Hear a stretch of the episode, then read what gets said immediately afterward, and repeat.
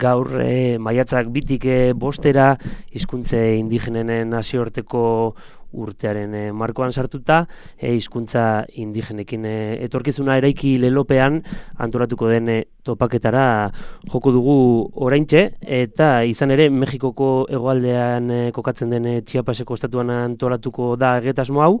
San Cristobal de las Casas komitan eta Chiapa ekortzo bezalako herrietan hain zuzen. Eta horretaz guztiaz hitz egiteko e, telefonaren e, bestaldean Carles Toner, pen e, internazionaleko zuzendaria dugu eta e, arratsaldeon Carles.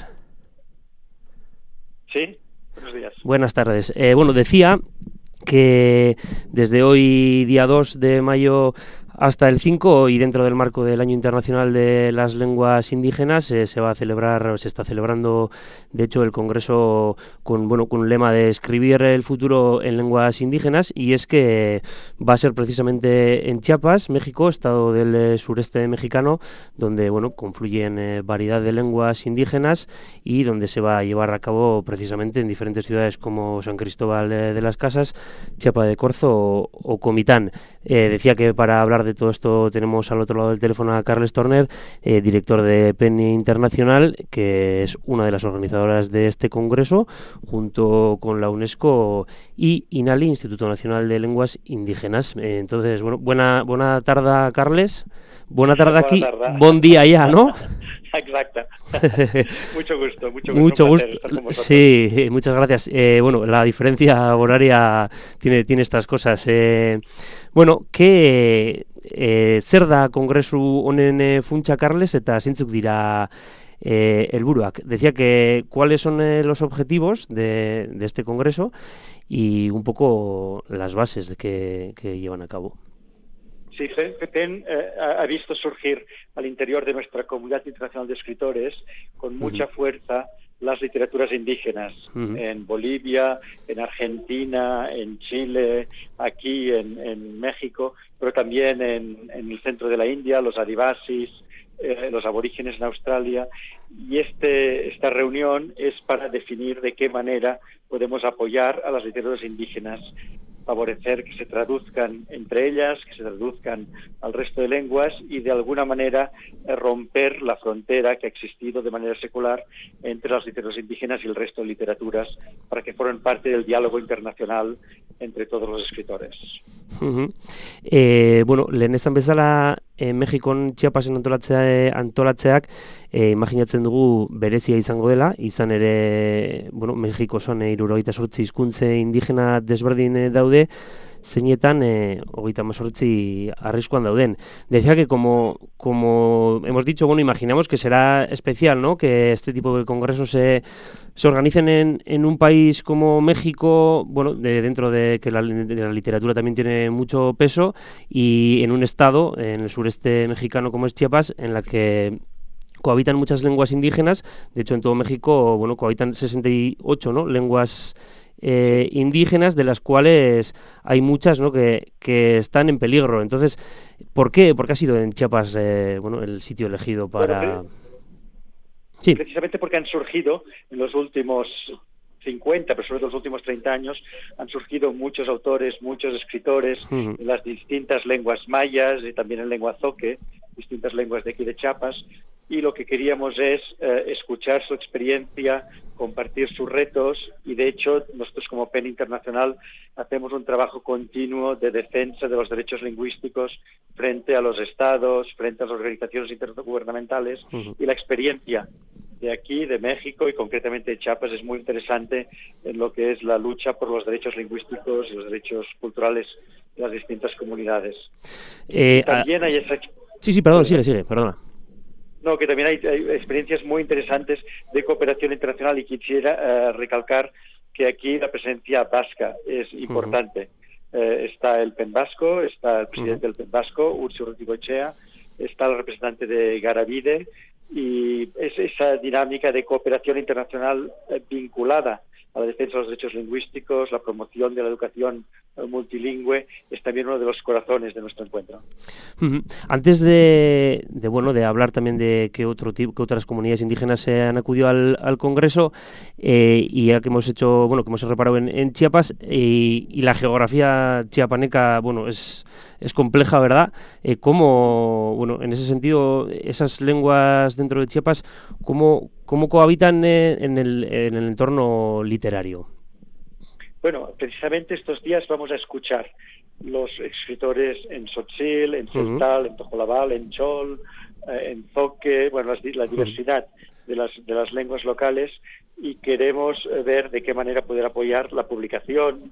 Eh, hay que saber que realmente Internet ha sido un espacio muy favorable para que muchas de esas lenguas puedan ser escritas, traducidas, desarrollarse en todo tipo de sitios y de, y de, publicaciones, pero se trata de ir más allá y de favorecer la presencia de esos escritores en un ámbito internacional. Y aquí es donde nosotros queremos realmente ver de qué manera los distintos escritores eh, pueden vincularse a festivales, a ferias del libro y a todo lo que es el mundo de la traducción y la publicación de la, de la literatura sin afectivos, sin, rompiendo esa, esa frontera que el hecho de ser una lengua, una, una lengua indígena ha significado eh, en estos últimos años. Puesto que me imagino, el, como bien dices, el, el canal ese de, de la publicación eh, en, los, en las lenguas no hegemónicas es bien complejo, ¿verdad? Sí, Sí, mira, por, ejemplo, estaremos en la Casa de la Cultura de San Juan Chamula. nos, nos va a acoger una poeta tzotzil, eh, Enriqueta Lunes Pérez, que tiene ya una trayectoria importante como escritora a nivel de todo México, pero también a nivel internacional, con participación en, festivales, con diversas traducciones de su poesía. Y en ese festival de, poesía de, de Chiapas vamos a tener escritores de las distintas lenguas y bueno, y vamos, vamos a compartir eh, lo que es la vitalidad de, esos intercambios, sabiendo, sabiendo que es cierto que en este momento de todas esas lenguas de, México hay 31 que están en proceso de extinción. Y precisamente nuestra manera de, apoyar eh, a esas eh, comunidades es favorecer que sus hablantes, que sus escritores se integren en el ámbito internacional.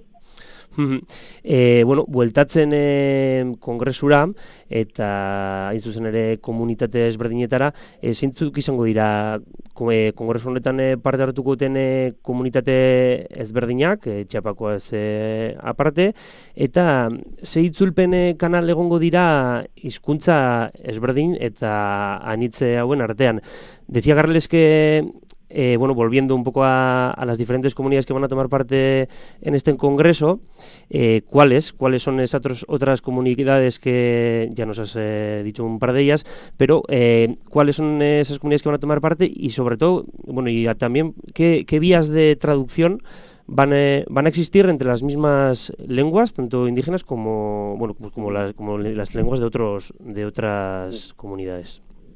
Bueno, eh, de hecho, eh, van a haber comunidades indígenas hmm. a nivel internacional. En América Latina van a estar muy presentes los mapuches. Un intelectual mapuche, Pedro Cayuqueo, va a hacer una de las principales eh, conferencias.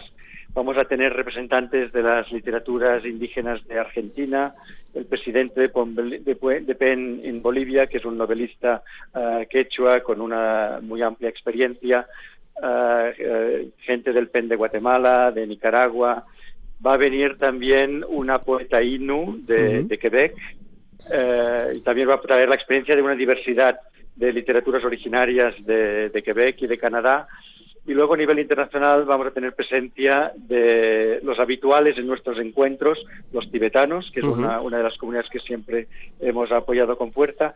Está un representante, un gran especialista de las lenguas adivasi de la India, que representa la Academia Adivasi, una academia que en, el estado de Gujarat eh, reúne a las 200 lenguas indígenas, muchas de ellas eh, lenguas de comunidades que son nómadas y que ha hecho un trabajo en estos últimos 50 años muy significativo de publicación de esas lenguas. En este momento hay muchas que han hecho esa transición del oral a lo escrito, un proceso parecido a lo que se ha vivido aquí en Chiapas, que en los últimos 50 años ha habido una transición muy clara eh, entre la, tradición oral y la tradición escrita y luego también tenemos presencia de escritores indígenas de Filipinas, de aborígenes de Australia. E, e, esa, diversidad es la que queremos que aquí entre en diálogo y que unas experiencias puedan eh, mirarse en el espejo de las otras y ver de qué manera podemos aprender los unos de los otros y apoyarnos mutuamente. Y en, dentro del Congreso me imagino que las traducciones eh, también serán en, eh, bueno, en muchas, en muchas direcciones, ¿no?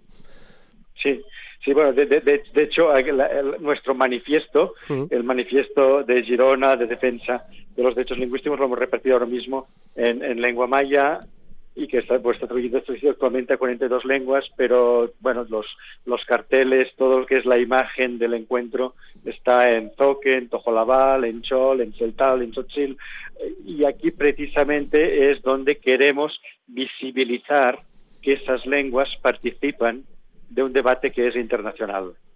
Y lo que queremos que vamos a conseguir un impacto fuerte, hay mucha presencia de los canales de televisión de México, de los distintos medios de comunicación, de, periódicos, tanto de a nivel eh, federal, del conjunto de México como de aquí de Chiapas. Creemos que vamos a poder dar visibilidad a esa, esa normalidad de las lenguas, de la presencia de las lenguas de Chiapas en un diálogo con las otras literaturas del mundo. E, bueno, Marko apitin bate irekitzen eta hizkuntzarekin edo hizkuntzak e, sortzen duen, e, bueno, pairatzen duen barkatu e, zapalkuntza horretaz gainera, e, ez dakite beste motatako zapalkuntzei erreparatuko diezuen, e, bose, arraza edo klasearen e, zapalkuntzei, eta ze, ze relazio aurki ditzazkegu, e, bueno, ba, eh, zapalkuntza horietan, ¿es?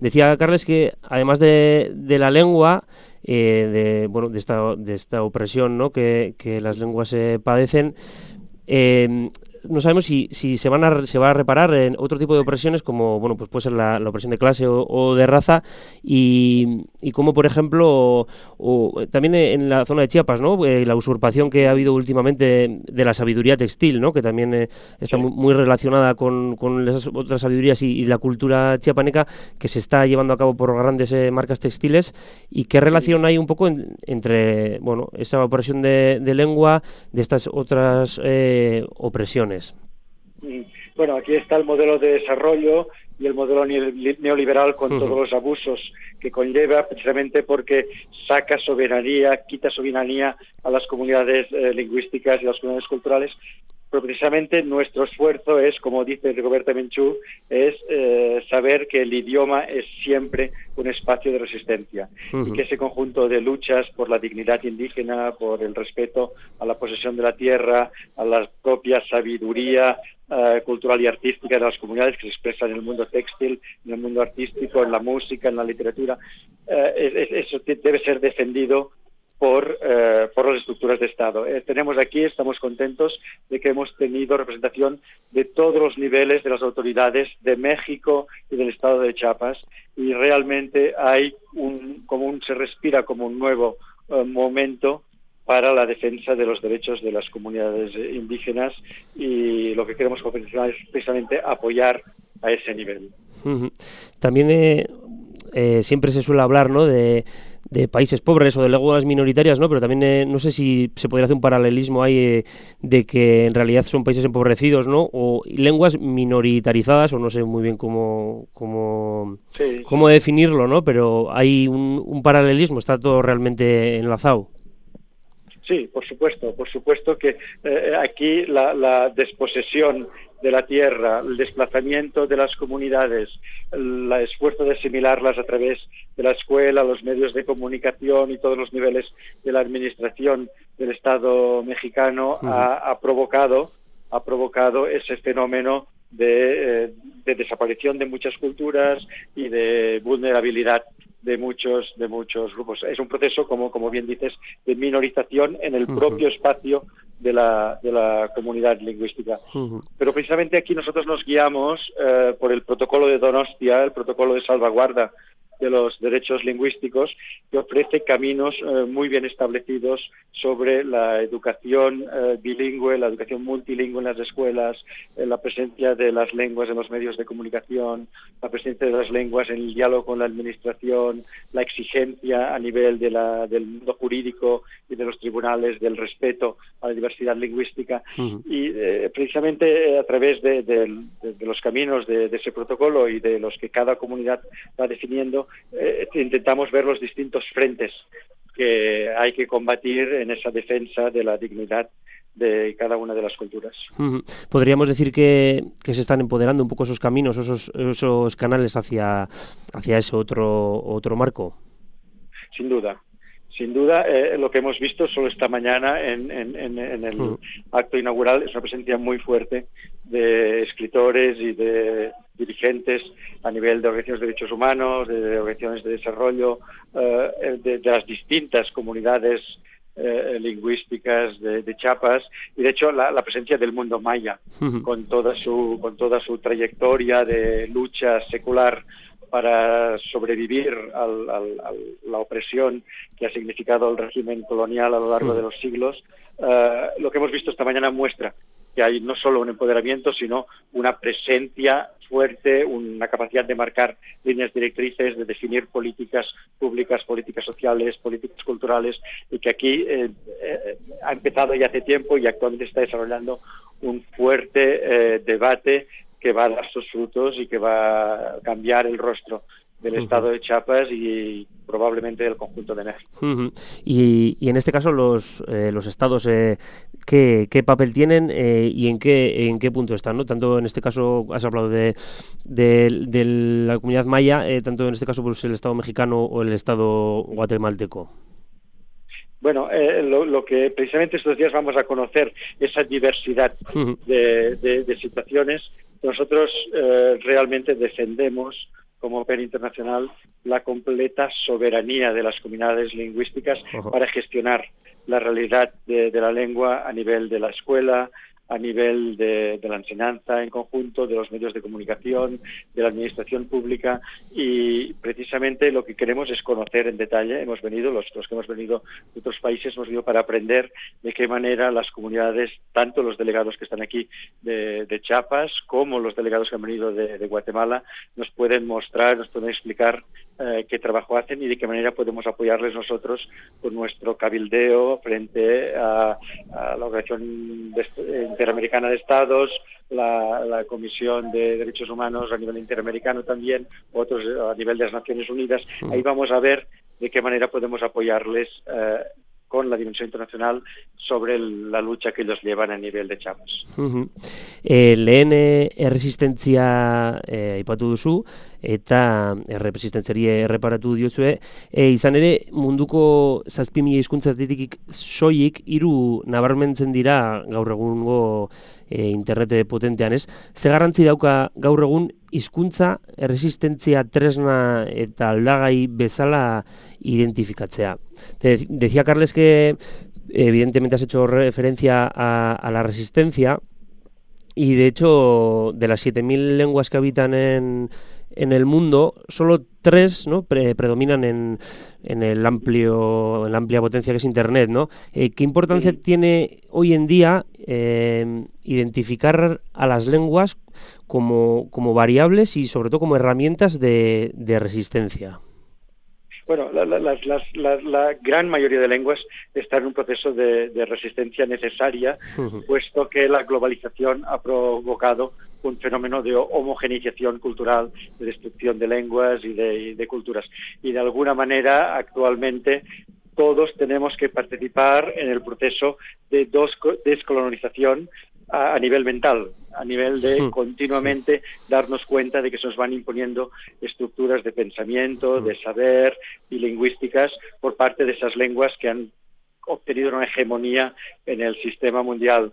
Hmm. Pero lo que nosotros defendemos es que eh, en ese contexto precisamente la defensa del multilingüismo, la defensa de la diversidad cultural hace que las comunidades puedan ser mucho más resilientes y en el fondo mucho más capaces de eh, enfrentar los retos de la llamada globalización con, su modelo eh, económico y cultural eh, que, eh, que, los, que las personas que son monolingües, que se limitan a su propio espacio y que no saben ver ese valor de la diversidad eh, cultural y lingüística. eh, bueno, hitz egin duzun eh, eh, Euskarri horietako bat, noski eskuntza, eskuntzaren arloa da, eta eh, eskuntza horretan eh, herri indigenen eskubideak eh, bermatzaren garrantzia se hitz egin duzue. Eh, decía Carles que uno de los ejes de resistencia, como no, es la, la educación, a la que evidentemente hacéis referencia, y que resulta prioritario el reconocer los derechos lingüísticos ¿no? eh, de los pueblos. ¿Cómo en el, en el, ámbito de la educación, que evidentemente es otro eje pues muy importante para tanto para la emancipación como pues para la misma opresión, eh, ¿Cómo, cómo está el, en este momento el, el, posicionamiento de la educación? Bueno, nosotros lo que, lo que defendemos, como somos asociación de escritores, uh -huh. defendemos la presencia de las literaturas actuales, las literaturas indígenas, de todas las literaturas, eh, en la relación con el sistema eh, escolar. Uh -huh. en, en, rompemos eh, esa, esa distancia que se crea entre modelos de educación muy a menudo inspirados en la visión colonial de, la escala de valor entre las distintas lenguas, rompemos eso precisamente para favorecer que con la presencia de los escritores de cada comunidad en el mundo escolar, los estudiantes puedan conocer cuál es la literatura que en ese momento se está produciendo en su propia cultura. Y eso en las comunidades lingüísticas indígenas es muy importante precisamente para uh, asociar la educación bilingüe, las diversas experiencias piloto que existen de inmersión lingüística en, en lenguas indígenas, en Guatemala, por ejemplo, y también aquí en, en, Chiapas, asociar eso a la presencia de la literatura, la poesía narrativa, el periodismo que se escribe en lenguas indígenas. También, como antes decías, ¿no? como método también resiliente, ¿no? Todo, toda la parte sí. de, de la literatura. Sí, exactamente. Exactamente, la, literatura, en el, nosotros estamos convencidos que a partir del momento en que es una voz individual, singular, mm. que surge desde las entrañas de cada lengua, de cada comunidad cultural, eh, tiene una gran capacidad de resiliencia porque aglutina el saber y el sentir de la comunidad en la voz individual de cada escritor. Uh -huh. eh, bueno, ze, bukatzeko edo azken galdera eri ekiteko, zer esango zineke gaur egun e, bueno, pragmatismoaren eta globalizazioaren izenean hizkuntza nagusi horiek goraipatu eta hizkuntzikituak e, gutxi esten dituzten e, guzti horiei. E, para acabar, o, e, Carles, te quería preguntar, ¿qué les dirías eh, hoy en día a, a esa gente que en nombre del pragmatismo y de la globalización eh, eh, que existe hoy en día enaltecen esas lenguas hegemónicas, las defienden y agreden eh, y oprimen a, a, esas, a esas lenguas minoritarias? Les diría que se pierden todo el mundo. Nosotros defendemos que nuestro mundo contiene muchos mundos, que todos tienen derecho a vivir y que la vida es mucho más alegre y abierta eh, si sabemos eh, abrirnos lo que significa la traducción y el conocimiento de culturas distintas a la, a la, a la propia. Eh, y en ese sentido, tienen que saber que vamos a resistir, que como Comunidad Internacional de Escritores nosotros vamos a continuar en nuestro empeño en favorecer la traducción, el conocimiento recíproco y todo lo que es la, la diversidad de, de, culturas y de, y de, y de, y de pueblos uh -huh. eh. Ese, ese mar de fueguitos, ¿no? Al que siempre se hizo, se hizo referencia Galeano, ¿verdad? Exacto, exactamente. Sí. Eh, bueno, para seguir un poco y para acabar eh, dentro del Congreso, hay diferentes tipos de mesas redondas, de, de charlas. Sí, vamos eh, a hacer. Sí vamos a hacer un análisis de la situación de los derechos lingüísticos y de la expresión de qué significa ser escritor en lengua indígena, primero a nivel de Chiapas, uh -huh. durante diversas mesas escuchando escritores chiapanecos, uh -huh. luego a nivel mexicano, luego a nivel del conjunto de América Latina, con los quechuas, los mapuches, los tehuelches, los distintos eh, pueblos que están presentes aquí, y luego a nivel internacional, eh, conociendo experiencias de la India, de Australia, de Filipinas, para ver de qué manera eh, podemos también nosotros como organización internacional apoyar a las distintas experiencias locales. Ba, Carles eskerrik asko gaurre alabediko kantoira urbiltzagatik, oso interesgarria gaurko elkarrizketa, eta, bueno, ba, e, hemen e, ukikutu zola alabiren telefonak e, e, kongresuaren edo zer gauza berri eta hitz egiteko. Decía Carles que, que gracias por eh, atender la llamada de, de Cantoya de Alavedi, que ha sido un placer eh, conversar contigo y que estaremos muy atentas a, bueno, al, al, cómo vaya avanzando el Congreso y, y, muchas gracias. Muchas gracias a vosotros, ha sido un placer. Es que Ricardo. Igualmente, agur, agur. Hasta pronto, chao.